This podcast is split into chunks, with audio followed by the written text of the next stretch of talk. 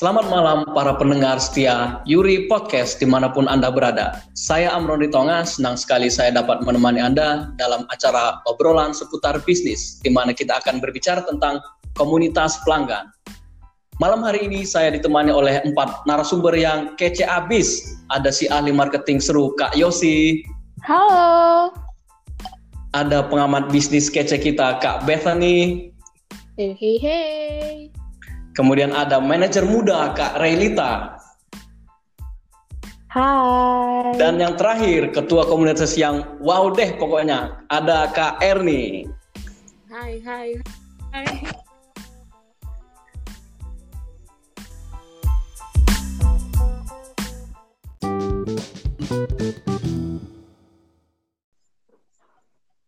Malam hari ini kita akan membahas tentang komunitas pelanggan. Sebelumnya Uh, teman-teman pada tahu nggak sih apa komunitas pelanggan itu? Nah, di malam hari ini kita akan bahas tuntas habis tentang komunitas pelanggan. Yang pertama, uh, mungkin saya tanya Kak Erni, apa sih sebenarnya komunitas pelanggan itu?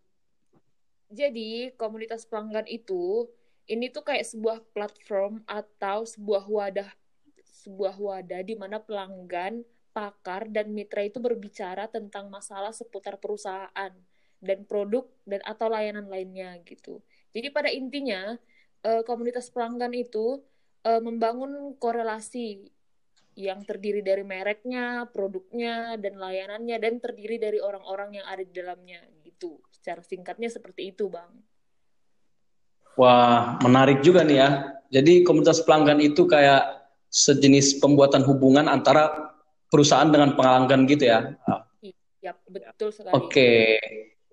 Baik, ini saya uh, penasaran juga nih. Nah, jadi mau nanya sih, apa sih esensi dari komunitas pelanggan itu menurut Kak Bethany?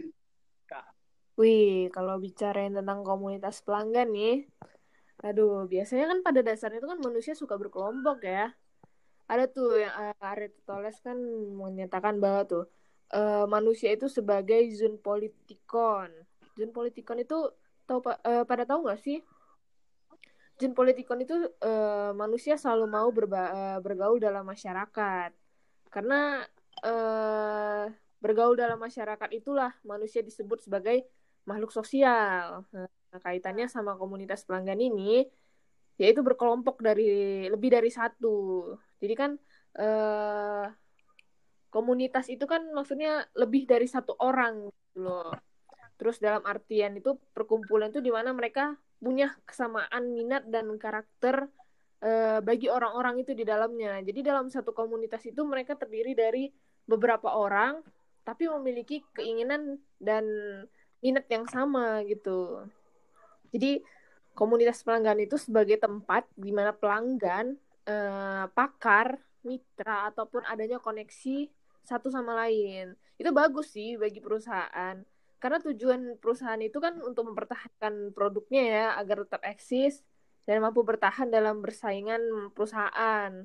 Karena itu melalui pelanggan eh komunitas pelanggan tersebut dapat mengidentifikasi lah kira-kira apa sih yang ada di pikiran masyarakat dengan menciptakan produk baru, mempertahankan ataupun menciptakan pasar bagi produk mereka gitu sih menurut saya. Wah, menarik juga ya. Itu tadi dari sisi bisnisnya nih. Nah, gimana ya, kalau kita lihat esensi dari komunitas pelanggan itu menurut uh, perusahaan nih, Kak Rey, gimana? Hmm. Uh, biasanya kan komunitas pelanggan itu terbentuk karena pelanggan-pelanggan yang puas akan produk tertentu. Di sini kan kita bicara tentang Tupperware. Komunitas di dalam komunitas pelanggan itu kan seperti yang dijelasin Kak Betani tadi, komunitas di dalam komunitas pelanggan itu kan ada perkumpulan di mana terdapat kesamaan minat dan karakter bagi orang-orang yang terlibat di dalamnya. Biasanya di dalam komunitas pelanggan yang puas itu akan memberitahukan kelebihan-kelebihan produk tersebut kepada orang lain dan akan merekomendasikannya juga kepada sesama sesama anggota komunitas maupun di luar komunitas. Eh, rekomendasi pelanggan dalam suatu komunitas itu akan menjadi alat promosi dan penjualan yang sangat efektif sebenarnya bagi perusahaan. Uh, sekarang ini kan internet udah bisa diakses di mana aja kan. Munculnya internet juga membantu komunikasi dan informasi terjalin dengan baik. Internet juga memungkinkan perusahaan membangun keterikatan komunitas secara spontan di dunia maya. Gitu.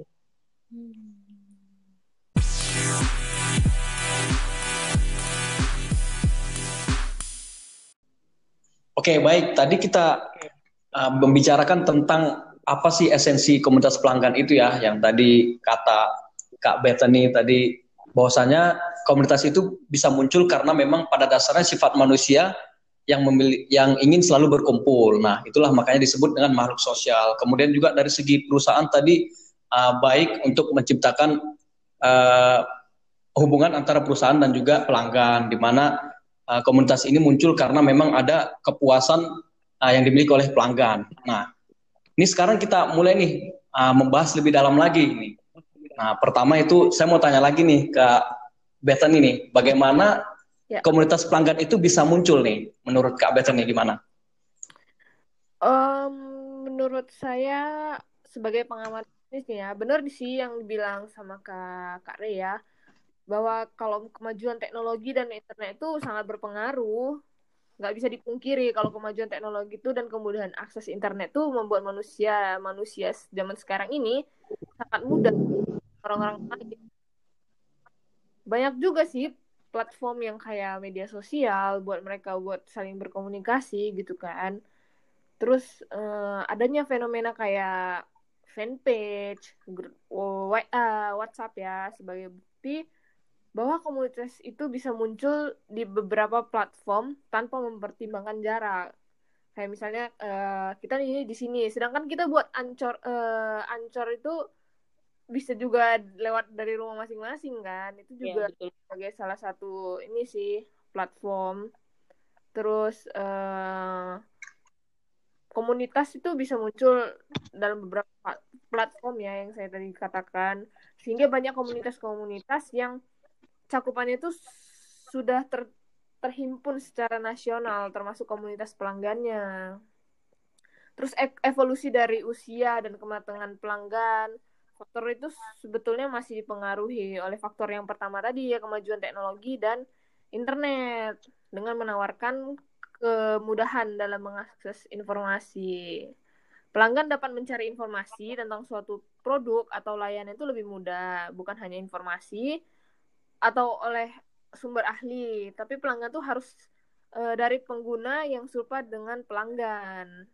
Menyebabkan uh, itu adanya pergeseran di mana pelanggan menjadi lebih matang dan pinter sehingga uh, kekuatan negosiasi pelanggan itu telah meningkat lah dari yang dulu uh, susah susah untuk uh, bernegosiasi sekarang sudah dimudahkan gitu sih dari saya sebagai pengamat bisnis. Oke, ini saya mau pindah nih ke ahli marketing kita nih. Kayaknya dari tadi udah pengen banget nih mau ngomong nih. Tuh tahu aja bang. Dari ini. tadi. iya dari tadi kayaknya dianggurin gitu. Ya. Iya udah udah mau ngomong banget ini tapi kayak aduh kapan ya kapan ya gitu akhirnya dikasih astaga. Uh. Nah jadi uh. Di sini saya akan menjelaskan kenapa perusahaan mempertimbangkan mencipt, uh, mempertimbangkan untuk menciptakan komunitas pelanggan. Nah sebenarnya uh, organisasi atau perusahaan itu pada umumnya menggunakan komunitas pelanggan untuk tujuan pemasaran. Nah, ini biasanya dilakukan dengan dua pendekatan. Pertama, perusahaan menggunakan platform untuk memasarkan produk dan layanan baru kepada komunitas. Ini mencakup menyediakan akses awal dan memberikan konten eksklusif untuk anggota komunitas. Pemasaran yang didorong pelanggan bisa menjadi alat yang bermanfaat di era media sosial. Kemudian, organisasi juga dapat belajar dari komunitas pelanggannya dengan cara mengumpulkan dan menganalisis data yang dihasilkan oleh komunitas. Nah, hal itulah yang merupakan alat penting untuk meningkatkan strategi pemasaran. Gitu. Wih, luar biasa nih jawaban ke ahli marketing kita nih. Iya, Bang. Nih, uh, aku mau nanya nih sama kakak manajer muda yang kece nih, Kak Ray nih. Nah, kalau dari sisi perusahaan, uh, apa sih yang membuat perusahaan mempertimbangkan gitu loh untuk membuat sebuah komunitas pelanggan gitu. Benefitnya gitu dari segi bisnis gitu apa sih menurut uh, kakak manajer kece kita nih? Oke, selain yang dijelaskan dari yang dijelaskan Kayosi tadi sebelumnya, komunitas pelanggan sebenarnya membantu perusahaan meningkatkan produk dan layanannya. Uh, kemampuan hal itu terjadi karena kemampuan untuk belajar dari setiap pengalaman serta mendapatkan umpan balik dari umpan balik langsung dari pelanggan dapat berupa saran dan kritikan. Saran dan kritikan tersebut akan menjadi bagian penting dalam meningkatkan strategi pemasaran dan produk.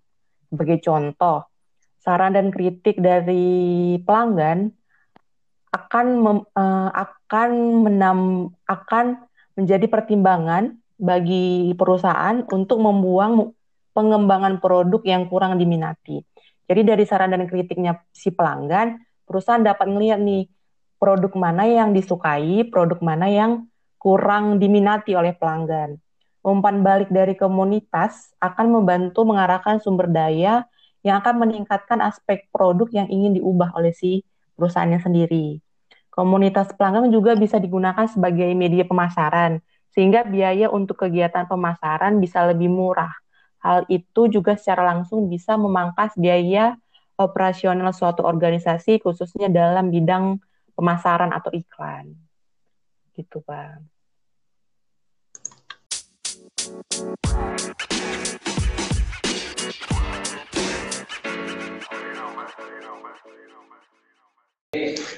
Nah, tadi Kak Rey sudah menjelaskan ya bagaimana dan juga uh, Kak Yosi juga sudah menjelaskan tentang uh, apa sih pertimbangan uh, bagi perusahaan itu dalam membuat sebuah komunitas pelanggan. Nah, di sini aku mau nanya lagi nih ke ke ahli marketing dan juga uh, Kak Ketua brand ini Tupperware. Nah, Oke, jadi pertanyaannya gini.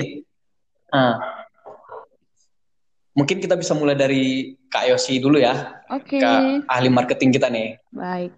Jadi menurut dari sisi marketingnya nih, apakah komunitas pelanggan itu mencirikan kesetiaan terhadap brand tertentu gitu menurut Kak Yosi gimana? Uh, komunitas pelanggan mencirikan kesetiaan terhadap brand tertentu? Jawabannya iya. Kenapa? Karena komunitas itu dapat dikatakan sebagai kelompok orang yang saling mempengaruhi, memiliki kesamaan identitas, kelompok, dan memiliki ikatan emosional antar anggotanya. Jadi sebenarnya komunitas pelanggan ini uh, saling berkaitan gitu tuh bang. Jadi dari mulai emosionalnya, kesamaannya gitu. Jadi suatu kelompok atau komunitas ini memiliki kekuatan untuk mempengaruhi anggotanya, antara lain karena faktor pengalaman dan informasi.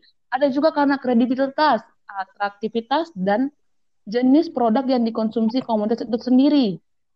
Nah, konsumen dalam komunitas yang puas terhadap suatu merek atau produk akan menceritakan pengalaman positif nih jadi mereka terhadap merek atau produk tertentu tersebut uh, akan direkomendasi nih ceritain sama orang lain dan selanjutnya selanjutnya selanjutnya seperti itu. Oh, jadi sekarang nih masuk nih ke menurut Kak Irni nih gimana? Sebagai ketua brand Tupperware. Uh, kalau dilihat dari brandnya Tupperware, kayaknya siapa sih yang nggak tahu Tupperware gitu ya kan Bang? Dan for your information ya we uh, untuk teman-teman yang mendengar juga, kalau Tupperware itu sebenarnya sekarang udah bisa digadaikan di, pegadai, di pegadaian. Itulah sebabnya wow. ini sedikit agak lebih naikin brandingnya gitu. Karena sekarang udah kayak nggak hanya emas aja yang bisa digadaikan di pegadaian, Tupperware juga bisa loh gitu. Jadi branding emas sama emas sama pegadaian pun udah kayak hampir disamakan gitu. Jadi, Kalau hati bisa digadaikan nggak nih Kak Erni? Berat ya. Harganya turun bang. Kalau Iya, tapi harganya turun. Itu... Oh bisa ya, tapi harganya turun ya. Ya lanjut lanjut hmm. Maaf intermezzo. Oke. Okay.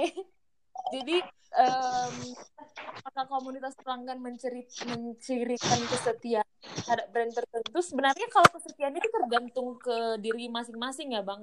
Tapi kalau di Tupperware sendiri, sebenarnya kalau di sendiri kayak mereka uh, kami itu kayak um, ada namanya member-member gitu dengan member-member yang di mana member ini bisa mendapat atau manfaatnya gitu.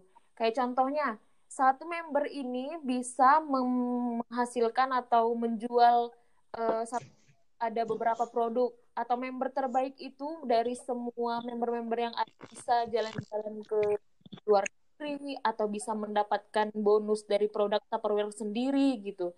Jadi uh, setiap member-member itu dapat benefit atau manfaatnya. Jadi kalau dibilang menceritakan mencirikan kesetiaan itu tergantung diri masing-masing tapi ada satu dua atau beberapa dari member sendiri yang kayak mundur karena mungkin ada alasan tertentu yang karena uh, waktu yang nggak bisa diatur antara keluarga dan bisnisnya dan mungkin ada alasan-alasan tertentu karena faktor faktor ekonomi juga yang belum bisa mendukung gitu. Jadi kalau dibilang kesetiaan dari brand brand Tupperware sendiri uh, tergantung ke masing-masing si pengguna ini gitu bermember gitu. Oh gitu ya Kak Ernia. Jadi memang uh, ada kecenderungan uh, kesetiaan gitu terhadap brand tertentu, tapi memang itu balik lagi ke faktor iya. uh, anggotanya gitu ya. Jadi banyak uh, faktor memang yang mengakibatkan mereka uh, cenderung setia atau memang uh, berubah gitu beralih ke brand lain gitu. Ya. Nah ini ini ada pertanyaan ini pertanyaan selanjutnya ini ada menyangkut nih. Nah jadi kan uh, untuk uh, mengelola komunitas pelanggan dengan efektif itu gimana sih gitu? Menurut Kak Rey gimana? Jadi supaya uh, memaksimalkan komunitas pelanggan uh, supaya memang dia setia gitu terhadap satu brand gitu. Gimana nih menurut Kak manajer kita nih? Oke, kan dari dari pembahasan yang disampaikan oleh Kak dan Kak tadi, kita kan bisa lihat hmm, si komunitas pelanggan ini esensinya cukup penting kan buat sebuah perusahaan, khususnya bagian khususnya untuk pemasaran. Jadi sebenarnya perusahaan punya tanggung jawab buat mengelola komunitas pelanggan dengan efektif. Uh, cara uh, beberapa caranya bisa bangun membangun interaksi dengan pelanggan. Seperti hal ini seperti membuat atau membuat customer care gitu kan. Terus yang kedua, mengenali dan mempelajari lebih jauh tentang karakter, karakteristik pelanggan, seperti demografi, preferensi, dan lifestyle-nya si pelanggan. Yang ketiga, bisa membuat kegiatan atau kegiatan atau gerakan seperti gathering yang melibatkan anggota komunitas pelanggan secara aktif gitu. Terus yang keempat, membuat wadah khusus untuk komunitas seperti grup chat, WhatsApp, Line, Facebook, dan yang lainnya. Begitu. Oke.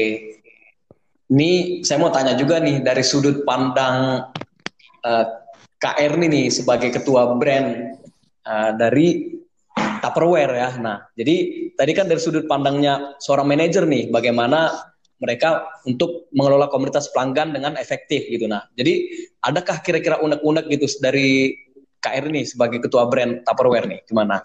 Nah, kalau kalau di brand kalau di brand Tupperware sendiri untuk uh, mengelola komunitas pelanggan ini biar lebih efektif itu uh, contoh nih ya, kalau di brand Tupperware itu kan ada member-member yang mungkin yang setiap member itu mempunyai uh, tujuan atau goalsnya harus dapat bonus segini nih, harus bisa menjual segini nih gitu.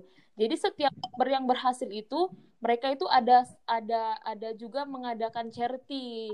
Jadi setiap yang udah berhasil meng, meng, menjual brand brand Tupperware dalam satu minggu itu sampai ke bonusnya sampai mencapai mencapai uh, ha, mencapai hasil yang bagus, mereka itu kayak bisa charity ke tempat-tempat seperti Pantai Jompo atau pergi ke tempat panti asuhan seperti itu gitu, saling membantu. Jadi bukan hanya hura-hura aja nih yang bisa di dilakukan oleh para member-member Tupperware. Jadi mereka itu yeah. charity-charity juga membantu membantu kepada ini pada orang yang membutuhkan seperti itu gitu. Jadi Wah, dia lebih ke ya, iya jadi pada intinya ya. setiap member itu pun saling saling uh, menjalin kekeluargaan gitu bang. Bukan hanya seolah-olah hanya bisnis aja gitu. Oh iya. Jadi memang uh, perusahaan itu harus membangun dari segi emosionalnya juga gitu ya supaya memang saling merasa memiliki gitu ya antara uh, brand dengan anggota gitu ya membernya gitu ya Kak Erni ya. ya betul gitu bang